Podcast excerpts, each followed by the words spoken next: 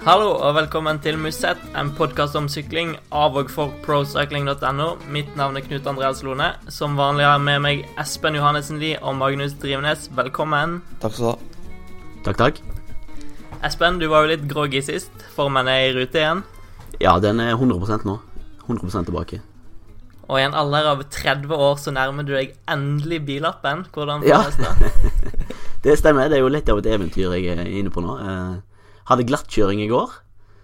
Uh, utrolig underholdende. Jeg havna i grusen, selvfølgelig. Ute på Sotra, som er jo eh, hjembyen eh, Eller ikke hjembyen, men hjemtraktene til Kristoffer Skjerping. Joker i Kobal-ruteren. Men han var ikke der. Han var ikke der, nei. Så du kjørte ikke ned han, altså? Nei, nei, jeg kjørte ned ingen. Det er bare for å ha det på det rene. Jeg kjørte ned ingen. Satser på den statistikken holder seg sånn når du kommer på veien òg. Ja, jeg har et mål om å opprettholde den statistikken sånn noenlunde, i hvert fall. Så vi får se hvordan det går. Magnus, du har flytta hjemmefra og til storbyen Oslo. Hvordan går det? Nei, det, det går greit, det. Jeg har nettopp uh, vasket klær for første gang, og det Jeg tror det gikk bra. Det, det er bra.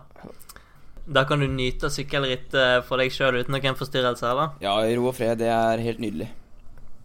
Og du har fulgt godt med på Paris-Nice, antar jeg. Mer enn godt. Hvordan vil du oppsummere de første dagene?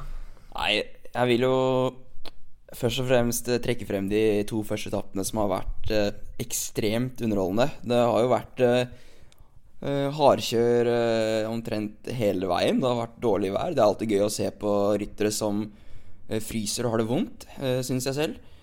Eh, og det har vært eh, spennende avslutninger. Eh, spesielt kult den første etappen hvor uh, Ala Philippe fikk med seg Arnaud Demar på slutten.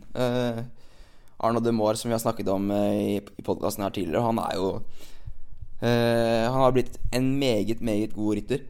Eh, så han unner jeg egentlig uh, unner den seieren. Og så vil jeg trekke fram Ala Philippe på den tempoetappen, hvor han eh, viste at han var i helt eh, enormt slag.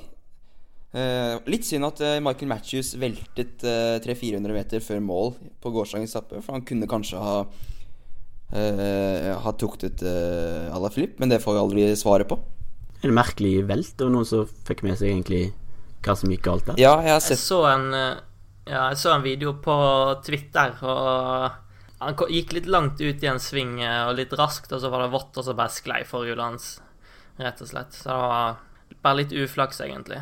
Eh, Du snakker om eh, DeMar, Magnus. Han ble jo nevnt i forrige podkast òg, av, av deg vel, Espen. Og han hadde blitt nevnt av i forkant av, av klassikerne, så at han virka veldig, veldig sprek denne sesongen. Ja, absolutt. Jeg syns vi så veldig tydelig på, på eh, åpningsetappen der vel at han eh, Demar eh, er mye mer enn en ordinær spurter. Mange lot seg imponere av måten han vant den åpningsetappen. Noen kanskje også litt overraska, faktisk var sportsdirektøren i FT Sky, eh, Fredrik Gedon. Han er også en smule overraska, faktisk, i sine uttalelser. Men det som faktisk er der, altså historikken til DeMar med slike, slike avslutninger er ganske god. Det er egentlig en av hans fremste våpen. Um, Sjøl så trakk han fram den seieren i uh, Cholet Pays de la Loire, så det heter så fint, i 2012, der han tok eh, en seier i nærmest identisk uh, finale og etter uh, ganske likt scenario som man så på åpningsetappen i Paris-Nice. Um, selvfølgelig har han jo vunnet Vattenfall, Psy Classics og noen rimelig harde finaler i Neko Toro og um, Milan Sanremo i fjor, da. Eh, Det var kanskje et lite stikk eh, til kritikerne fra Milan Sanremo i fjor, da. Det var en Mm. ganske lang etterfølger der med at han hadde hengt på, hengt på en bil opp eh, Poggio, var ikke det? mm, Ja, oppe Cipressa, vel. Han velta helt i bunnen av Cipressa, der. Eh, jeg føler egentlig ikke kom noe helt entydig bevis om at han hang veldig lenge på bilen. Han fikk vel ei flaske, men altså topp Det ble noe spredd noe misinformasjon om, eh, om hastigheten han hadde opp Chipresa, da.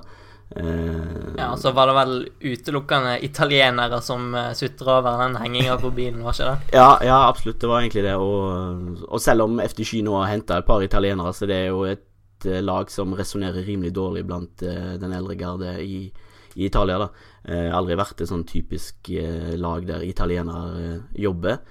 Men jeg syns egentlig laget gjorde en veldig god jobb med å skjerme han da, etter den, eh, etter den seieren, selv om det var mye oppstandelse der. Så uh, den seieren har utløst mye av det DeMar kan. Uh, han har tatt uh, åpenbart flere steg siden den seieren. Og det beviser egentlig litt av det Daniel Holgaard har fortalt om om fra innsiden da i FD Sky.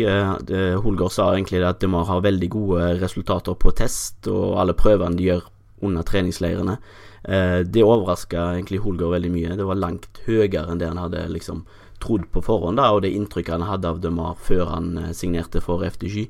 Um, eh, og så, så DeMar er egentlig mye mer eksplosiv eh, i sånne bakker enn det vi kanskje tror enn det han har eh, vist før dette. Eh, Sjøl sa han vel at han er best på sånne 30 sekunders tester eh, i laget, så han har veldig gode eh, resultater der. Så mm, det, det er tydelig at han vokser, vokser veldig mye, eh, veldig fort akkurat nå. Han er jo bare 25 år og har allerede vunnet 40 ganger, så ja. Lovende. Ja, veldig god rytter. Men jeg vil også trekke frem at eh, det er ikke bare italienerne som sutret på De Mari Milan Sanremo i fjor. Jeg hadde jo spilt eh, Ben Swift til 67 i odds, eh, og Ben Swift ble jo da som kjent nummer to. Så jeg var også noe bitter. Ja, det kan jeg tenke meg. Du flagga ikke riden hans på Strava, da? Ja, den, eh, den eh, Jo, det er litt interessant faktisk, fordi han eh, la jo først ut økten på Strava. Jeg lurer på om han la den ut med watt, og så øh, fjernet han watten, eller hva et eller annet han gjorde med økten på Strava som gjorde det ekstra mistenkelig. Så man kunne jo da se Først kunne man vel se vatten hans opp uh, skipressa, men det endret han vel ganske fort, tror jeg. Ja, det stemmer. Han la han ut én gang, og så forsvant han, og så gikk det noen timer, så Ja. Kom han tilbake. Akkurat uh, hva detaljer som ble tatt ut, det, det husker jeg ikke. Men det er mulig det du sa. Hvor mye hadde du vunnet da hvis Swift hadde Nei, det var jo? Jeg hadde da en uh, tier, så det hadde da blitt 670 kroner. Det hadde vært mat i ei uke, si. Ja, det Med mitt, med mitt skinkeforbruk så er det det. En annen ting med DeMar da som er kanskje litt interessant å ta tak i, det er Han virker egentlig å vokse som type, da. Han er, eh, som sagt, han er bare 25, men sjøltilliten hans vokser stadig, og det tror jeg også har litt med, med laget som nå er rundt han. FDSky har henta en del sterke navn i vinter, vil jeg si. Eh, så han vokser liksom i den lederrollen, og sjøltroen hans, den eh, er også sterkere når han har et såpass godt lag rundt seg. Du så jo det på åpningsetappen eh, i Paris-Nice. De hadde vel fem-seks ryttere i den frontgruppa. Eh, og det sa Demar, det Det har liksom aldri skjedd før med FDSky, at de har fem-seks ryttere i, i sånn gruppe da, mot slutten av såpass hardt ritt. Så det virker som Demar og FDSky de vokser i styrke sammen. Så det, det Ja, det ser lovende ut for, for laget og hans del, egentlig. Ja, og I tillegg så kan vi jo nevne at uh, FDSky ble var det, Hvilken plass var det de kom på i lagtempoen i Trenad Adriatico? Det var helt oppe. Tredjeplass. Mm. Ja. Ja. Så de øh, De har blitt øh, sterkere, det kan vi si. Uh, Du så det bare på Demar, på måten han fulgte Ala Filippa, Og når, eh, når han måtte ta fronten i, i, på første etappen i Paris-Nice foran uh, Alaphilippe, så nølte han ikke med å bare gå i front og, og ta spurten derfra. Så han virker veldig selvsikker og god form. Og han blir nok veldig farlig i Milan Sanremo i år òg.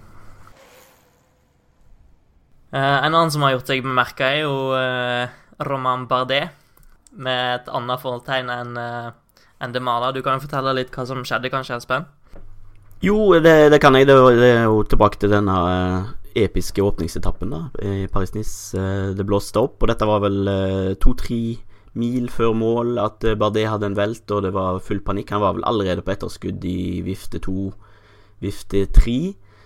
Um, han hadde en velt, eh, måtte få ny sykkel, og da hang på bilen. Han fikk vel en eh, en sticky bottle, som de sier på engelsk. og, men hvor lenge han hang på bilen, det er jeg ikke helt sikker på, men juryen valgte i hvert fall å kaste han ut av rittet. Um, en streng avgjørelse, ifølge laget sjøl. Eh, AG2R-sjefen eh, Lavenu gikk vel til juryen etterpå og prøvde å få avgjørelsen omgjort til, til en tidsstraff og til en heftig bot. Det eh, fikk han ikke gehør for, så Roman Bardet ble kasta hodestups ut. Um, en streng diskvalifikasjon fra, for en fransk rytter i et fransk ritt, kanskje? Ja, men det er vel uh, UCI som står for den avgjørelsen, mener jeg. Uh, ja, absolutt, absolutt. Selv om uh, altså, historikken der arrangørene lener inn på en jury, er vel ganske godt dokumentert. Det, det, skjer jo i hvert fall i Tour de France, da. Men det er åpenbart, som du sier, at UCI velger å slå hardere ned på disse tingene da, i år. Det, det er jo dette et tegn på. Og så har det litt med tidspunktet det skjer på. Eh, han velter, stemmer ikke det? Eh, jo. Eller hva heter han? Ja, jo. Det er jo vanlig praksis i sykkelsporten at du da får hjelp av følgebilen. Du får en stikkebottel du kan ligge på bak bilen da, i dragsuget. At eh, de kjører deg opp igjen til feltet, da. Eh, det er vanlig å få den hjelpa, men eh, ikke på kritiske tidspunkt i rittet. Det var kanskje litt da som gjorde størst utslag. Jo, antagelig. Antagelig. Eh, så det som er utelukkende bra med den avgjørelsen, er hvis det kan føre til en, kanskje en, en bredere, bredere, debatt om hva juryens rolle er egentlig i, under, underveis i rittene. Om eh, juryen bare skal hoppe rundt på MC og skrive ned og notere de som urinerer på feil sted, eller som slenger fra seg en flaske på feil sted, og skrive ut uh, bøter til disse, eller om de faktisk skal slå ned på lovbrudd som, som påvirker utfallene av rittene i større grad. Eh, og være det seg holding på biler, eller eh, flasker som holdes for lenger, eller MC-er som ligger for nært eh, feltet. Den type ting. Eh, jeg vil påstå at eh, diskvalifikasjoner bare det faktisk har så å si ingen verdi hvis ikke andre legger seg på den samme linja som juryen i Paris-Nice. Eh, men som jeg sa, altså nå er det jo flere ting som indikerer at faktisk UCI har gitt tydelige signaler om disse tingene skal, skal straffes eh, hardere enn det har blitt gjort tidligere. Da. At man faktisk vil vekk med denne uh, uskrevne uh, regelen om at det er lov å kjøre seg opp i bilene etter en velt. Samme når det er, egentlig. Ja, for det er fryktelig dårlig for imaget til sykkelsporten hvis konstant skal skje sånne ting, at publikum får se at folk, eh, folk jukser seg opp igjen til feltet. da. Det er jo ikke bra for, eh, for sporten i det hele tatt. Og så kan vi gi ros til eh, Roma Bardet for måten han håndterte diskval diskvalifikasjonen på. han kom ut med en melding på Facebook og Twitter og det som er, og la seg vel rett og slett bare flat og sa at det, sånt har ingenting i sykkelsporten å gjøre. Og det, det syns jeg står respekt av fra franskmann sin side. Absolutt. Det gir et sunnere inntrykk av, eh, av sporten enn om man skulle gått ut og begynt å sutre og være at det her er vanlig praksis, og juryen tok feil avgjørelse. Så det var veldig, veldig fint gjort. Ja, det vil si. altså Roman Bardet er en rytter som har veldig god respekt både blant media og Eh, blant andre ruttere og han er vel også rimelig populær blant eh, hardcore fans, vil jeg si. Um, og uh, måten han håndterte uh, saken på, som du sier, Drivenes, det uh, tror jeg egentlig ikke har uh, skada hans renommé noe, noe, særlig, da. Jeg, ja, han håndterte det veldig bra. Nå blir det jo spennende å se hva han faktisk gjør videre. han har mista et viktig ritt da, i oppkjøring til Tour de France det er jo, man legger jo en god del av formen sin i et såpass hardt ritt som Paris-Nice. Det er jo et viktig eh, steg på veien mot Tour de France. Eh, det som er interessant med oppkjøringen hans, er vel at han for første gang skal på Teide på Tenerife, et høydeopphold der. Um, han hadde planlagt to uker, men nå ser det ut som han må ta tre uker da, for å gjøre opp for uh, rittet han mister.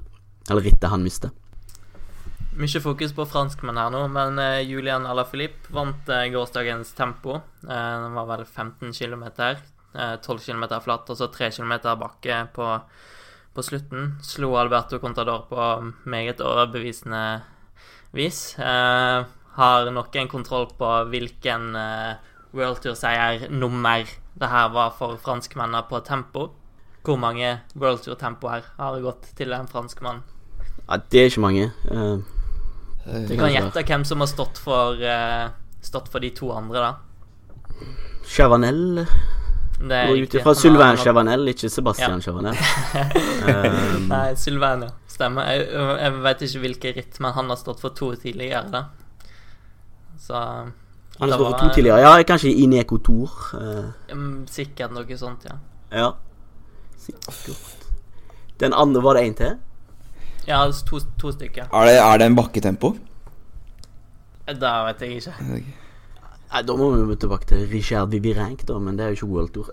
men uh, uh, Nei, Nei, sant si det. Damien Godin vant en prolog i Paris-Nice for noen år siden, før han uh, klappa sammen og rykka ned til kontinentalnivå. Men eh, prolog er jo ikke tempo, men tempo Nei, er jo prolog, på en måte. Nei, Men i hvert OK. Fall Alla Filip var eh, veldig, veldig sterk i går, Magnus. Ja. Og du tapte penger, og du tapte penger igjen. Nei, ikke, trenger ikke snakke om alle pengene jeg tapte nå. eh, Knut, det har jeg ikke lyst til å ha med i podkasten. Hvordan skal du betale den husleia i Oslo? Det lurer jeg på. når du... Ja, nei, deg jeg, jeg vant jo masse på lagtempoen, da. Men uh, eh, jeg, tapp, jeg hadde penger på Contador i går. Skikkelig ubeskjedent. Jeg vant masse på lagkampen.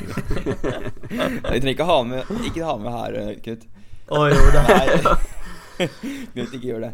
Det her har jeg ikke lyst til. Ja, men uh, hvor var vi?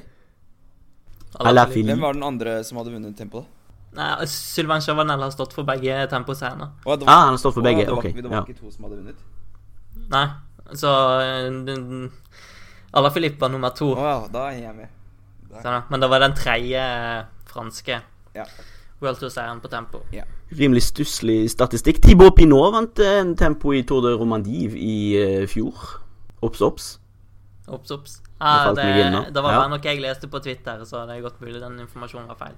Ukritisk kildebruk her, Det eh, er svart, Knut. Det var bare podkast der, så Vi lirer fra oss under over en lav sko her. Fake news. Ja. Fake news. Alternative fakta. Huge, huge fake news. OK, vi stryker den Trump-invitasjonen. Nei, Men tilbake til Eller Filip, da. Var det ikke Drivenes som hadde ordet? Han er jo ung, da. Ja, veldig ung. eh, Ja, spennende profil. Type. Allsidig. Man vet jo egentlig ikke helt hva han har eh, å gå på i de tre uker lange torene.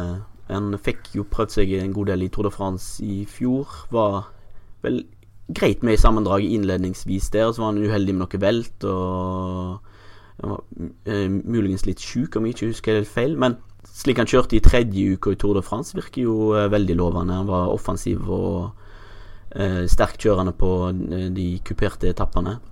Hvor langt han kan gå i de høye fjellene i over tre uker, det jo, gjenstår jo å se. Foreløpig har han jo hatt veldig fokus på Ardenner-klassikerne og eh, kommet veldig nærme å vinne der, så Da ble han ikke eh, nummer to i sin første proffsesong bak Valverde der. I Liège, Baston Nei, ikke sin Liège. første proffsesong, eh, tror jeg. Og andre, proff, andre andre proffsesong.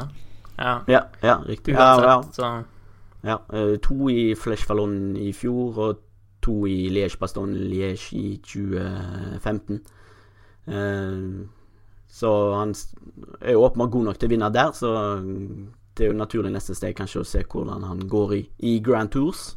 Altså, han gjorde sitt inntog i, på, i World Tour-sirkuset med uh, I Catalonia rundt uh, i 2014.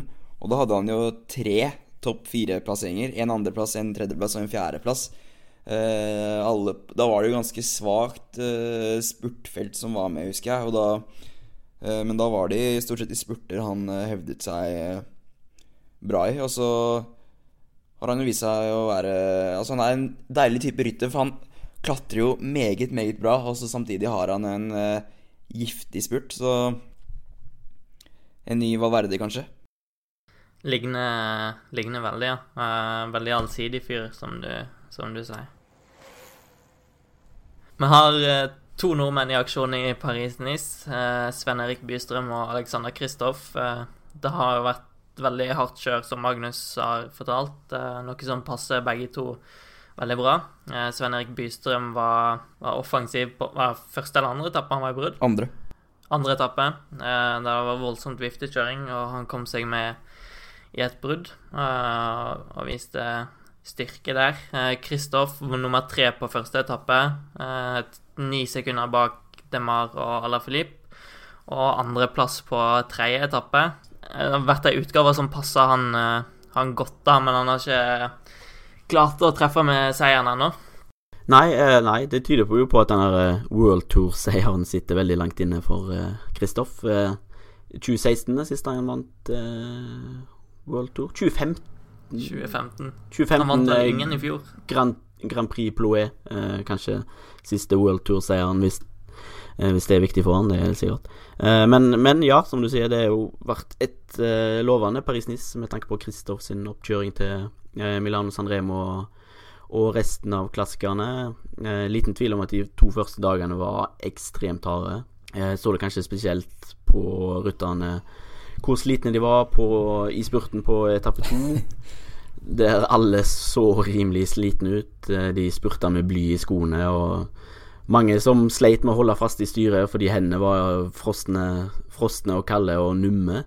Eh, det var egentlig ingen tog, ingen opptrekk, ingen som klarte å strekke feltet skikkelig ut. Og mm, spurten til Colbrelli som vant, den var en skikkelig, skikkelig kraftspurt. Han eh, åpna tidlig og han satte seg ned, og så gira om, og så slo han til igjen. Jeg syns det var skikkelig imponerende, det han gjorde der. Og en skikkelig langspurt. Og like lang som uh, Chris Horner sin karriere, skrev jeg på Twitter. Jeg syns det var ganske uh, Ganske løye. Det gikk i slow motion, og uh, det var skikkelig kraftspurt der. Det var imponerende og lovende for hans del. Sonny Colbrelli sin del. Ja. Um, ja. Ja, Det ble diskutert uh, heftig om det var et sjokk eller ikke at uh, Colbrelli tok, uh, tok seieren på den tappen. det var jo noen som mente at det ikke var overraskende i det hele tatt, mens andre mente jo at det, det var ganske ja, sjokkerende. TV 2 meldte vel nesten at var, han var en ukjent rytter som plutselig kom av intet og vant. Ja, ikke bare nesten. De meldte ukjent rytter. Og ja, okay. TV 2 Nei, Pro Cycling, vi skrev jo sjokkerende. Men eh, Altså, det var ganske overraskende i hvert fall at han slo Kittel, Kristoff, Greipel og eh, Degenkolb osv. i en eh, helt flat spurt. Det Det vil jeg påstå. Men. Ja, for tidligere så har vel Colbrelli vært, vært best i litt mer kuperte ritt. Han har vel ja. en del topplasseringer, sånn italienske semiklassikere. Jo, jo, jo. Nå var det en sånn eh, slakt, eh, litt slakt oppløp der, og det var jo under ekstreme forhold. Det var på tampen av to ekstreme, ekstreme dager. Og vi så det jo i spurten på etappe tre hvor slitne mange var. Altså Der var det jo mer eh, oppskriftsmessig flat etappe. Men samtidig så så vi jo at Kristoff, som er veldig seig og veldig utholden og eh, holder ut eh, under ekstreme forhold, at han slår typer som Kittel og Greipel. Så sånn sett var ikke det så veldig overraskende. At verken Alex slo Day på etappe tre, eller at eh, Colbrelli slo slo de på etappe to, i og med at det var eh, ganske ekstreme dager, som sagt. Ja. Kittel så jo helt ferdig ut på den tredje etappen. Det... Mm. Ja, det var ikke noe futt i beina hans. Eh.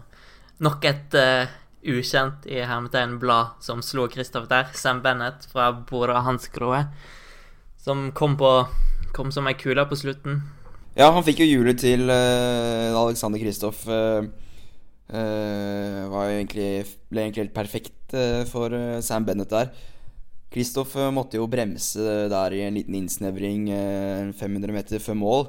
Da kom jo Sam, Be Sam Bennett med opptrekkeren sin på venstresiden. Og Greipel kom på høyresiden. Da ble han rett og slett skvist. og da måtte han Da mistet han også Mikael Mørkøv, og da måtte han trekke opp spurten sin selv, og da lå Sam Bennett på hjul. Og det ble ganske lett match egentlig for uh, Sam Bennett. Det var egentlig helt perfekt opplegg for han. Mens Kristoff uh, holdt jo stand mot uh, både Kittel og Degenkolb, så det var for så vidt en sterk spurt. Men dessverre for Kristoff så ble det ikke helt optimalt denne gangen heller. Han får trøsta seg med at uh, det er en veldig hard utgave av Paris-Nice, og hvis han holder seg frisk og får brukt de resterende dagene Nå er det jo en spurt i dag som han kan uh, ha sjanse på å vinne.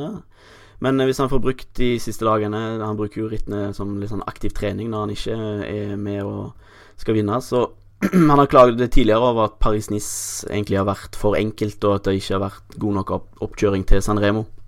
Jeg nevnte det vel eh, en gang i 2015, var det vel etter hvert som alle de franske lagene har fått seg en spurter, så var det ingen som gikk i brudd lenger, og egentlig rittet har blitt for enkelt. Eh, men eh, sånn som det utvikler seg nå, så kan han jo ikke klage så mye. Så det ser lovende ut for hans del oppkjøringsmessig der mot Sanremo. De siste seks vinnerne av Sanremo har kommet fra Paris-Nice, har de ikke det? Det kan godt stemme. Vi spiller altså inn det her torsdag. Tireno Adriatico starta i går, onsdag, med en lagtempo. BMC vant foran Quickstep og FDG. Eh, hva forventer dere av årets utgave? Edvald Baasen Hagen til start, blant annet. Det blir spennende å følge hjulene til Team Sky da, framover. Om de holder? ja, de sprekker jo sånn helt uten videre, virker det som. Noen med innsikt nok i hjulteknologi om kan forklare meg hva som skjedde der? Uh, det er mest sannsynlig bare maks uflaks. Altså, han har muligens punktert like før et hull og gått, fått felgen ned i hullet, og så ja, har bare trykket blitt for stort. Det var jo Diego Rosa og Mikkel Landa hadde jo hatt lignende problemer. Og de hadde kjørt i et hull og det var etter det problemet hadde kommet, mener jeg. Så Shimano var på saken. De sjekket ut. Uh, og de hadde ikke funnet ut noe ennå. Uh, ja, sa de. Men jeg tror, ikke, jeg tror, ikke, det er noe spesielt hokus pokus. Altså. Jeg tror det er bare et hull i veien. Altså. Hmm.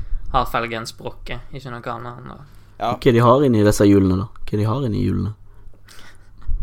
Nei, han, han vaier på Facebook. Han, han, mener jo at det er overbelastning fra motorer, men eh, spørs hvor mye man skal tro på det. Han, han, tar jo alt for, uh, for god fisk. Hver eneste lille hårstrå han kan henge i, tar han. Hvis du, hører, hvis du, hører på det opptaket, så hører du jo sånn lett durelyd da når, i det, det, det, du, du skrur opp veldig høyt, skru opp veldig høyt, så hører du sånn dur. Bare prøv. Bare prøv etterpå bevisene er sterke. Ja, indisiene er på plass, selvfølgelig. Litt mer eh, seriøst, hvilke forventninger har dere til uh, utgaver? Hvem, hvem, ser det på som vinneren? Jeg forventer jo at det blir en mini eh, Giro d'Italia, en forsmak på Giro d'Italia. Uh, man skal til Monte Terminilo på etappe Fire. Fire som blir jo en første showdown mellom alle Giro-favorittene. Aruni, Bali, Pinot et all. Nei, Rukintana selvfølgelig, uh, er jo der også. Så det blir interessant å se styrkeforholdet deres imellom. Uh, alle som starter Giro d'Italia, er jo på plass i Tireno Adriatico, og den finalen til Terminilio har gitt oss noen solide indikasjoner på hvem som er, best. Quintana vant der sist, vel. I et sånn fantastisk snødrev. Eh, en etappe som heldigvis ikke ble avlyst. Eh, lignende forhold hadde vel vært eh, døden for den etappen der hvis det skulle skjedd, skjedd igjen, i og med at man har, nå har denne ekstremværsprotokollen da, som kommer jo til sannsynligvis til å ødelegge all episkhet i sykkelsporten eh, eh, videre. Hvis det er et ord. Episkhet. Det er veldig eh, kort tempo òg, som taler til eh, Quintana sin fordel. Ja, du har den tradisjonelle eh, San Benedetto del Tronto-tempoen, vel, som er 10 km. Så hvis eh, marginene er små og sekundene er få, så kommer det vel forhåpentligvis til å gå eh, helt til den siste etappen. eh, kampen om seieren. I fjor var det jo Greg van Avermat som vant. Jeg følte det var sånn antiklimaks, egentlig, fordi den fjelletappen ble avlyst. Og det var jo ikke noe snø der oppe. Det var jo egentlig ikke noe uvær i det hele tatt. Det var jo en semiskandale. Men jeg tror uh, arrangøren ble liksom redd og påvirka og pressa av uh, Indirekte pressa av Paris-Nice, som hadde avlyst sin etappe dagen før til Mont Bruy. der var det jo snø. Men i Tireno hadde jo ikke noe eh, snø. Det var jo De ødela jo egentlig det rittet i fjor. Så jeg håper ikke det skjer igjen, altså. Vincenzo Nibali var vel ganske forbanna på den ekstremværsprotokollen akkurat da. Og med god grunn. Det var, det var helt håpløst. Det var helt håpløst. Um, ja. Magnus, har du noen tanker om Tirenoen? Nei, jeg gleder meg også til, eh, til den fjelltrappen. Det blir uh, interessant å se. Vi så, vi så jo i uh, Abu Dhabi så ble det jo et veldig taktisk kjør mellom uh, Nibali, Contador og Quintana på den fjelletappen der. så det blir jo kult å se om det blir noe lignende nå. Og om f.eks. sånn som i Abu Dhabi, at Rui Costa eh, Tom de Melin eller eh, noen av de andre som er litt mer outsidere, kan, eh, kan komme av gårde mens eh, favorittene kikker på hverandre. Det er vel mindre sannsynlig i dette rittet, men eh, vi skal i hvert fall ha øynene oppe for det. Vi hopper videre til eh, det alle snakker om for tida. Team Sky, som er i veldig hardt vær om dagen etter en lang høst med diverse avsløringer som uh, fortsetter nå. Magnus, du har jo jobba litt med saken de siste dagene. Kan du oppsummere hva som er ferskeste utvikling? Ja, Team Sky har jo nå sett seg nødt til å komme med et oppklarende brev eh, som de har uh, sendt ut. der de prøver å ja, forklare deres side av saken. Eh, fordi de føler seg litt eh, misforstått og forhåndsdømt, kanskje. De har jo ganske alvorlige anklager eh, rettet mot seg. Så det er kanskje på sin plass at de prøver å oppklare det.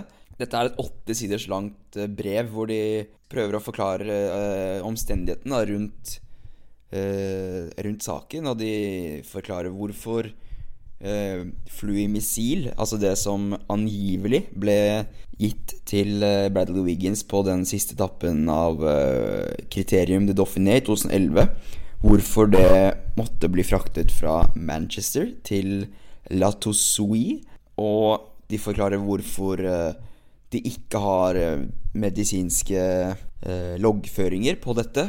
Det er jo da dr. Fre Robert Freeman Richard Freeman Robert, Richard Freeman. Richard Freeman som, uh, ja, som da har mistet uh, disse filene da han bare hadde lagret lokalt på PC-en. Uh, eh, og den ble frastjålet på ferie i Hellas.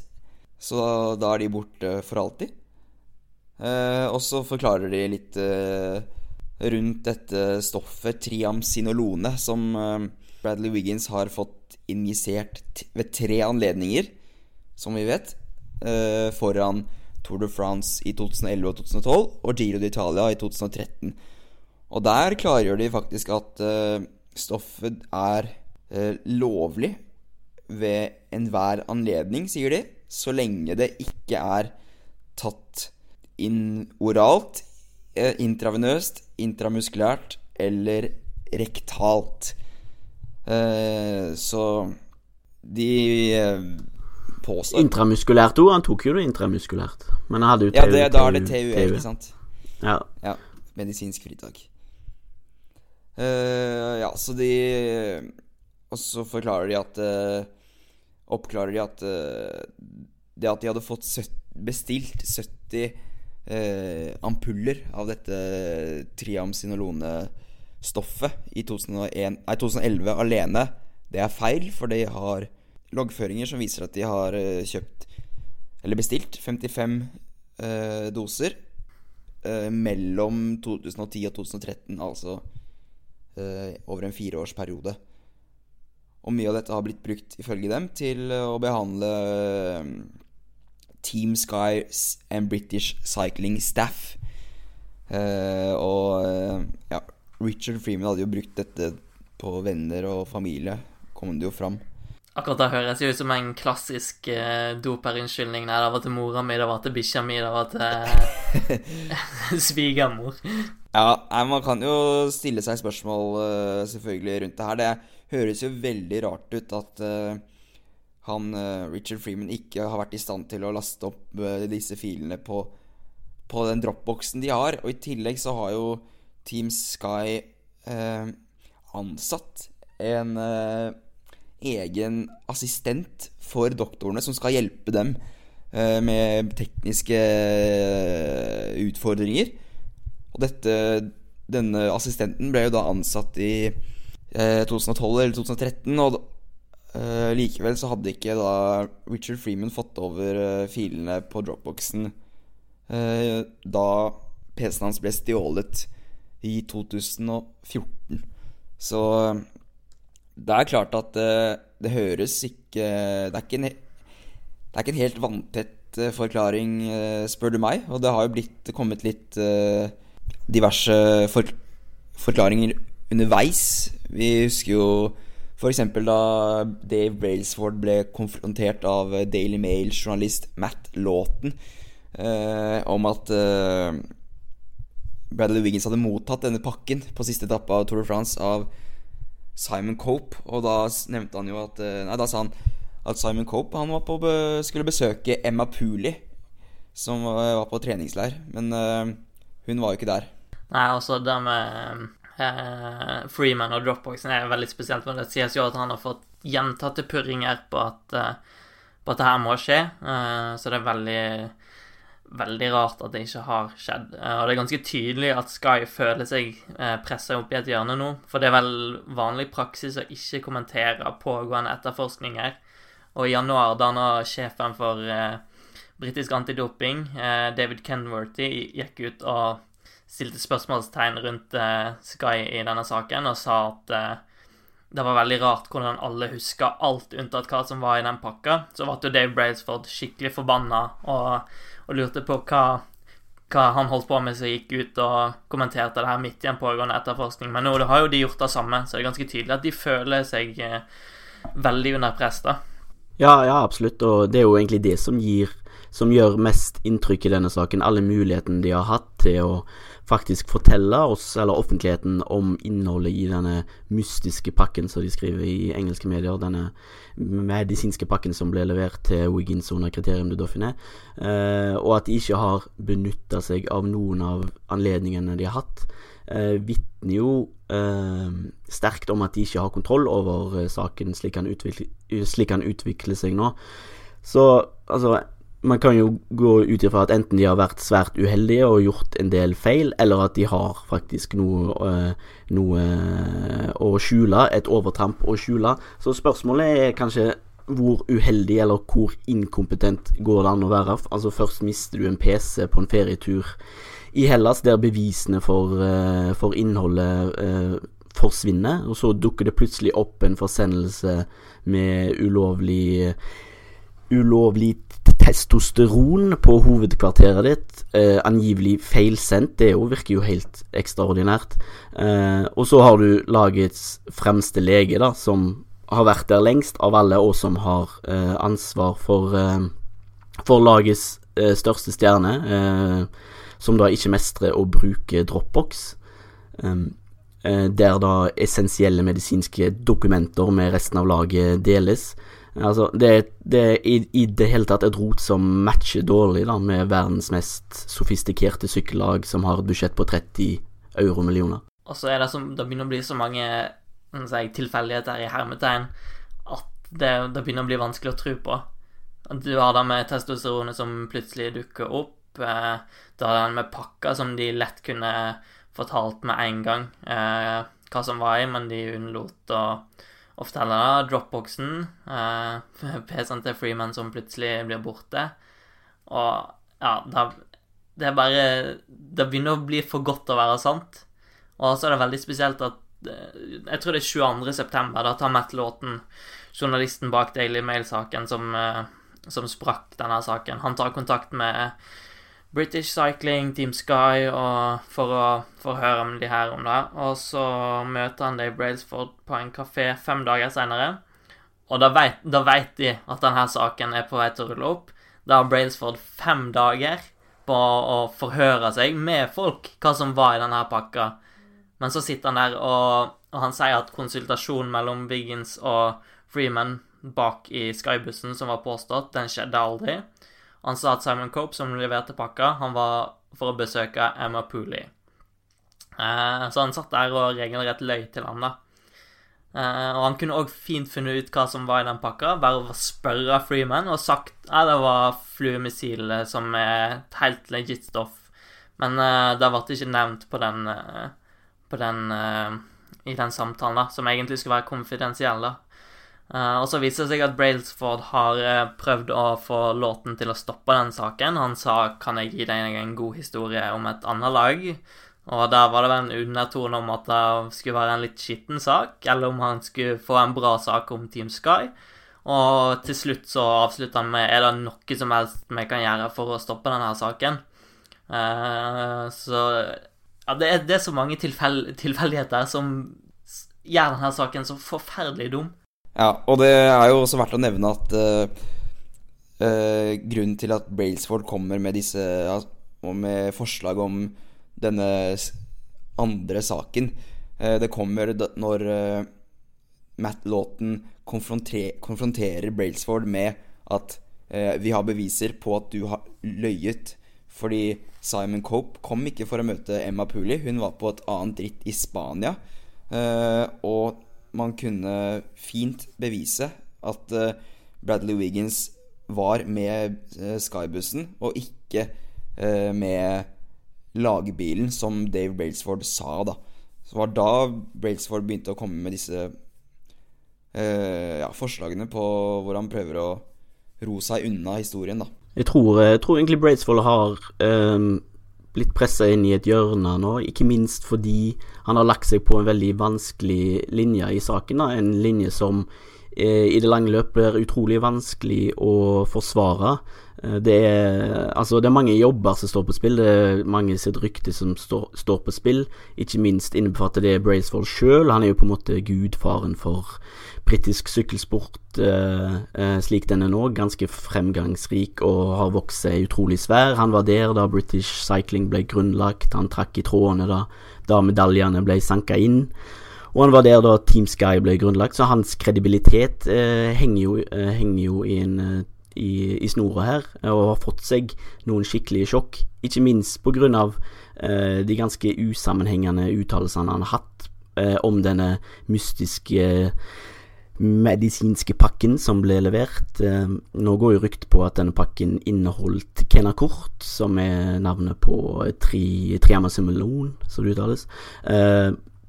Som er da en kraftig form for kortison, som øyensynlig da har florert innenfor dørene til British Cycling og bestilt over en lavsko. Eh, poenget mitt er altså Brailsford har gitt et sånt svakt inntrykk om at han ikke kjenner så mye til Kenna kort, og at han ikke vet særlig eh, om effektene det har. Men så nå kommer det liksom fram at han har hatt en, hatt en, injeksjon av dette produktet, og akkurat det ser jo eh, spesielt eh, dårlig ut. Og så har han i tillegg lagt seg på linja der han forsvarer Richard Freeman innbitt, og han forsvarer de tre injeksjonene som Wiggins fikk før, eh, før Grand Tours. Um, sånn sett så blir det jo tydeligere og tydeligere at etter hvert som saken utvikler seg, at det blir ei eh, umulig linje å holde seg på. da. Eh, ikke minst på, på grunn av måten Froome også opptrer. altså Han har ikke gitt sin støtte til Brailsford i denne saken, eh, slik det ser nå ut. Hovedgreia i denne saken er jo at når Sky kom på banen i 2010, så skulle de liksom revolusjonere sporten. De skulle stå for åpenhet og, og transparency og, og, og være de skulle være helt åpne. De skulle forandre sporten. Det skulle ikke være noe omerta lenger eller noe. Og når Matt Lawton tar kontakt med British Cycling og Team Sky i, på høsten 2016, så har de mulighet til å ta kontroll over denne historien og bare si det var flymissil. Uh, og ikke lage noe stor Det, det ville jo selvfølgelig blitt litt oppstyr, men det ville ikke blitt i nærheten av det samme oppstyret som det ville blitt. Uh, I stedet for så sitter Brailsford og lyver og prøver å roe seg unna uh, den historien, og så drar det seg ut og drar seg ut til det punktet vi er kommet nå. Og nå sitter jo igjen med Det ser ut som det, det er en nattklubb der bare dopet flyter fritt rundt. Og det virker som lederne ikke har kontroll i det hele tatt på hva som skjer. Og det andre Team Sky har jo stått for, er jo marginal gains, detaljstyring. At de skulle ha så ekstremt kontroll på detaljene. Men inntrykket folk sitter igjen med nå, er jo at det, det her er bare vås og sludder og propaganda. Ja, det er nok kanskje litt derfor Sky sitter litt i den saksen de sitter i nå. Fordi eh, vi har vel egentlig eh, ikke noen grunn til å tro at det er noe veldig mye verre i Sky enn kanskje andre lag. Vi kan ikke se bort ifra, hvert fall, at eh, det blir misbrukt medisinske fritak, altså TUE, i andre lag, eller at eh, eh, de bruker forstørrerapparat eller hva som helst. Men eh, Sky har lagt seg på den åpenhet-linjen som eh, de ikke har klart å holde for fem øre, rett og slett. Det er De har gått så hardt ut, og de har ikke klart å holde i den linjen. Så det, er, det ser ikke bra ut for Team Sky for øyeblikket. Altså, da med den åpenhetslinja, altså det funker ikke å si at nei, her doper vi oss ikke, her står vi for gode, sunne verdier, når alt annet du gjør, tyder på at uh, det er stikk motsatt. Og der med Triamcinolone uh, Det var jo spesifikt i den, uh, den rapporten som kom her for et par år siden, hva den heter Cirk-rapporten. Cirk. Ja, Cirk-rapporten. Cirk. Så sto det jo om at det var rykter om et ett spesifikt lag som misbrukte det her stoffet for at rytterne skulle gå ned i vekt. Uh, og da gikk det òg masse rykter om at det var Team Sky. Uh, og nå viser det seg at de har hatt store mengder av det her. Og de prøver å unnskylde, unnskylde seg med at nei, det har gått til familier, støtteapparat og venner. Uh, det ser bare bekmørkt ut. Ja, og så er det jo verdt å nevne at uh, Sky ikke er medlem av MPCC, uh, den uh, lagorganisasjonen hvor de lagene som medlem har ikke lov til å bruke dette stoffet i konkurranse. Det er vel regel, nedskrevet i reglene der. Mm. Og en annen ting apropos det med med Freeman, er jo at han var på vei til å søke om en fjerde tue, eh, terapeutisk fritak under Tour of Britain i 2012 eller 2013, til Bradley Wiggins. Da hadde visst eh, kollegaene endra passordet på PC-en hans eller noe sånt for å for, for, forhindre han i å søke om den tuen. Så det Ja. Veldig spesielt. De er, de er gode nok til å endre passord på PC-en, men uh, Dropbox, det er vanskelig. Dropbox er vanskelig, det kan jeg skrive under på, men uh, jeg syns Lone gjorde et interessant poeng, og det er interessant å se denne saken i lys av uh, måten Team Sky entra sykkelmanesjen i 2010. Jeg så et spennende intervju med Paul Kimmage på Cycling Tips denne uken, som sikkert uh, dere har lest.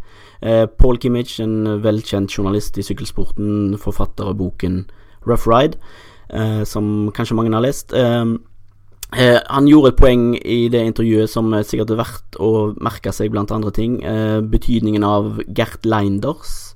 Eh, Team Sky ansatte jo denne Leinders eh, i, i, visse perioder i 2011 og 2012. Leinders kom fra Rabobank, der vi nå vet eh, organisert doping var eh, vidstrakt. I ettertid så er det jo lett å se denne ansettelsen som en av Brailsfords største tabber, men òg et slags eh, gjærtegn på om at ting hadde endra seg internt i Team Sky siden de starta opp.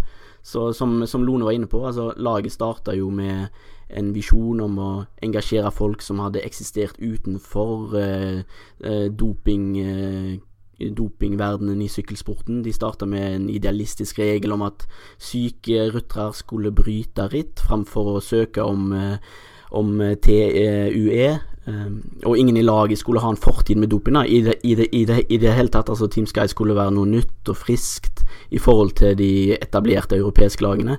Nå vet vi jo at de har brukt TUE, uh, selv om det er jo helt proforma. Altså, det er jo en rett lagene har. Men på samme tid så har de jo åpenbart møtt sine egne grunnleggende idealer i døren, der, og de et eller annet tidspunkt i utviklingen har de tatt veien inn i en mer realistisk og pragmatisk eh, virkelighet. Eh, de har styrt ganske langt bort ifra sine idealer de hadde. Så mulig at de blir pressa inn i denne verdenen da, etter debutsesongen i 2010, som vi vet var ganske svak resultatmessig. Kanskje var det Leinders-ansettelsen et viktig ledd i Sky sin, sin um, realisering om at de måtte ta ta grep. Altså Wiggins skrev vel ikke uten grunn i sin biografi uh, My Time at Team Sky hadde behov for uh, sånne som Linders, sånne uh, rutinerte folk i sykkelsporten som var au fait. Altså de var på dus med sportens normer og regler.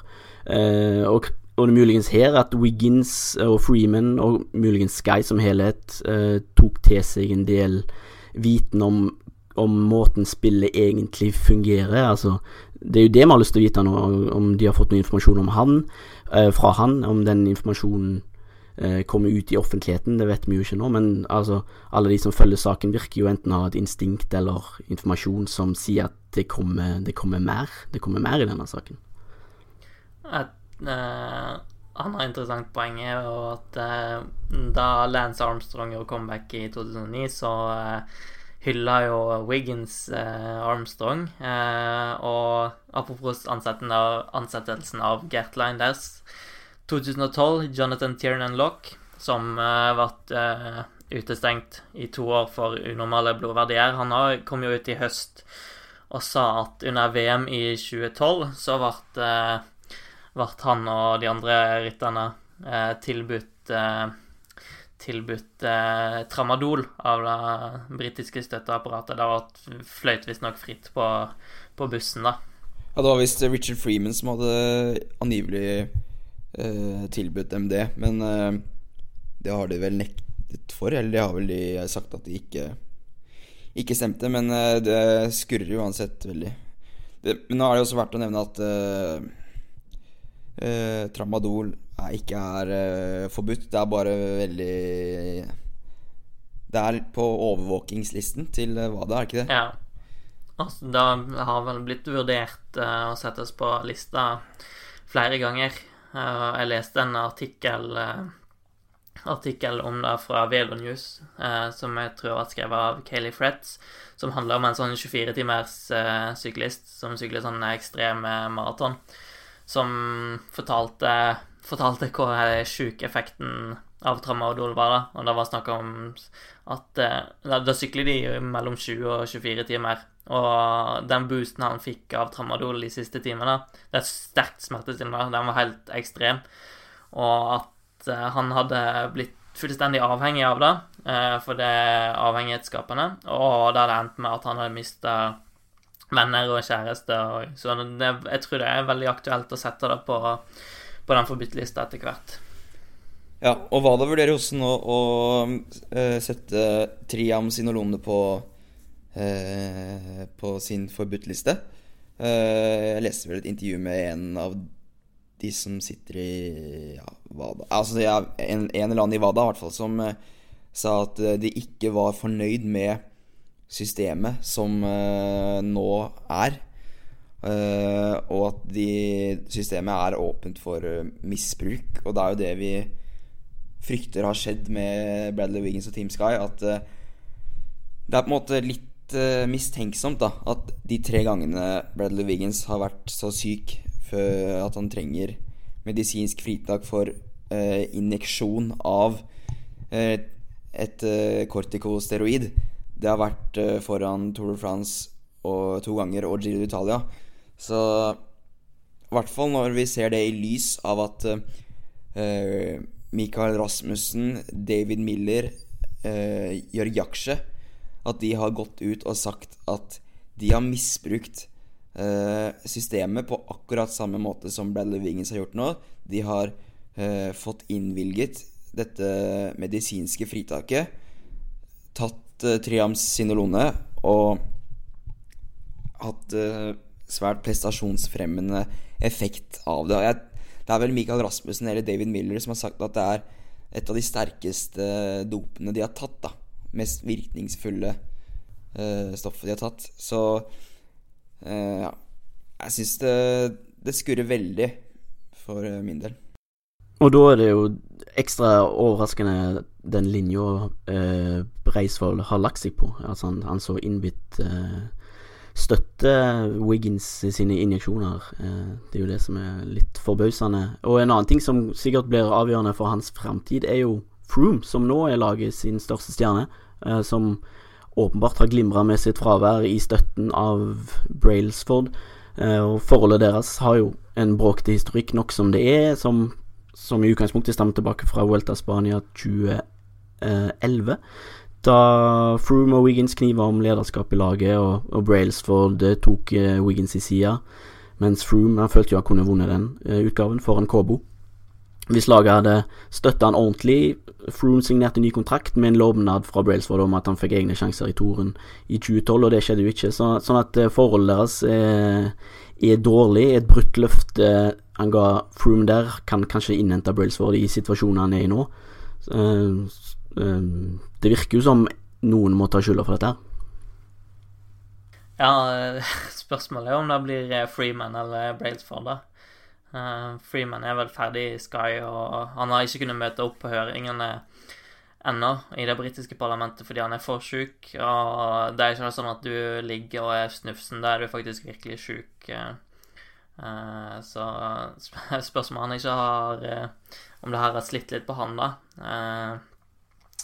skal vi se En annen ting med apropos Dave Brailsford, er jo Han har vært Nå var det British Cycling starta med med fokus på OL-medaljer på bane. Vi snakker 96-98, ikke, er ikke vi? Jo, noe sånt. Jeg husker ikke. Eh, og han har vært i denne sporten fryktelig lenge.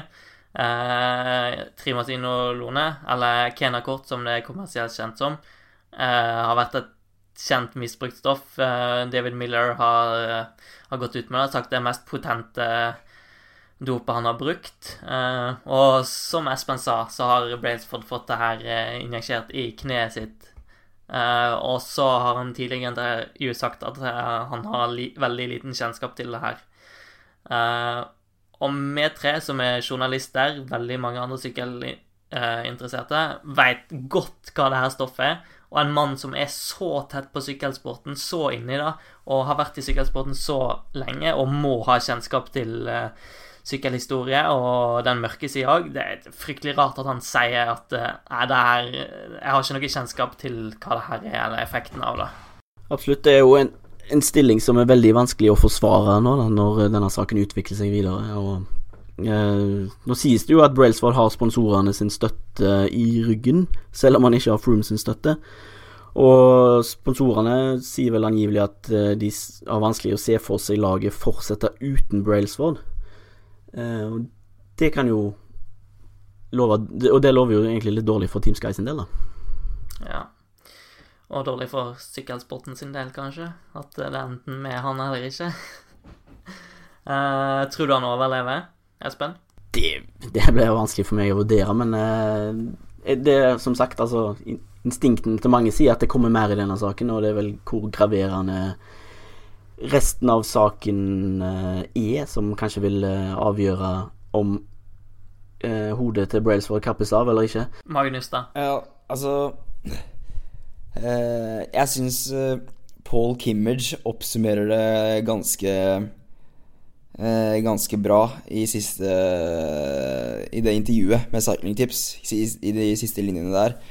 altså uansett hva som skjer, så kommer Bradley Wiggins til å drikke pina colada for resten av livet sitt. Så om Det er godt mulig Brailsford forsvinner. Freeman forsvinner nok helt sikkert. Uh, om Sky forsvinner, det gjenstår å se. Men uansett så vil Wiggins ha den seieren for resten av livet, den Tour France-seieren. Selv om jeg mener at den har kommet på urent vis. Ja, altså, det er, det er, jo noen sorte hull nå i hans gule trøye, selvfølgelig. Men altså, det er viktig å påpeke at uh, uh, kort er jo uh, lovlig når man bruker TU, og det er lovlig utenfor uh, ritt. Um, da trenger man ikke TU, og det er jo ingen beviser for at Sky har brutt noen antidopingregler. Det er ingen beviser i britisk uh, antidopingmyndigheters etterforskning av British Cycling og Team Sky som indikerer at de har dekket over noe bevis. Det er i hvert fall det uh, lederen av uh, etterforskningen sa til under høring i det britiske parlamentet. Så det må jo sette ting litt i Altså, det er jo ikke bloddoping. Dette, nei. Nei, dette må jo stryke. Nei, nei, ja. nei, men, uh, men, altså, det er jo ingen regelbrudd her. Nei, men det er jo det som er uh, uh, problemet. Det, jo, jeg vil jo, jeg vil jo si at Eller er det egentlig forbudt å misbruke TV?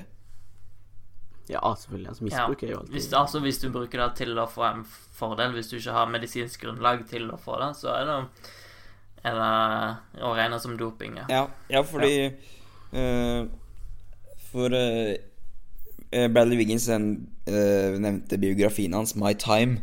Så nevner han jo også at han har vært Altså, i 2012 så var han frisk hele tiden. Han var Han var i form hele tiden. Og da høres det jo veldig rart ut at han må trenge denne Altså sterke dosen med triamsil...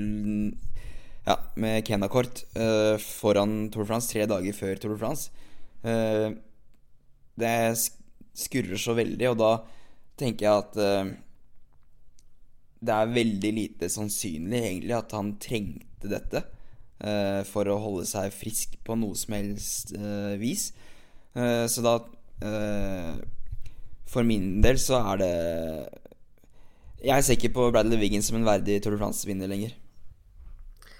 Jeg tror vi kan eh, fastslå at eh, det er veldig masse som skurrer i denne saken. Og en ting som er helt sikkert, er i hvert fall at, eh, at Team Sky sitt rykte det er veldig hardt skada, og mest sannsynlig klarer de ikke å gjenopprette det ryktet der. Um, jeg tror vi skal begynne å avslutte, jeg.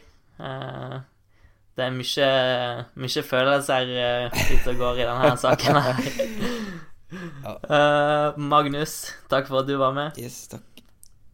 Espen, alltid en glede. Sjøl takk. Alltid en glede, ja. Absolutt. Si Uh, Tireno Adriatico og Paris-Nice ruller videre. Alt uh, derfra finner du på procycling.no. Ferske nyheter og reaksjoner. Eh, og så hører du snart fra oss. Og lik oss på Facebook. Musett er en podkast om sykling. Twitter finner du oss òg på. Og abonner på podkasten vår i iTunes og Soundcloud. Så høres vi snart. Hei da.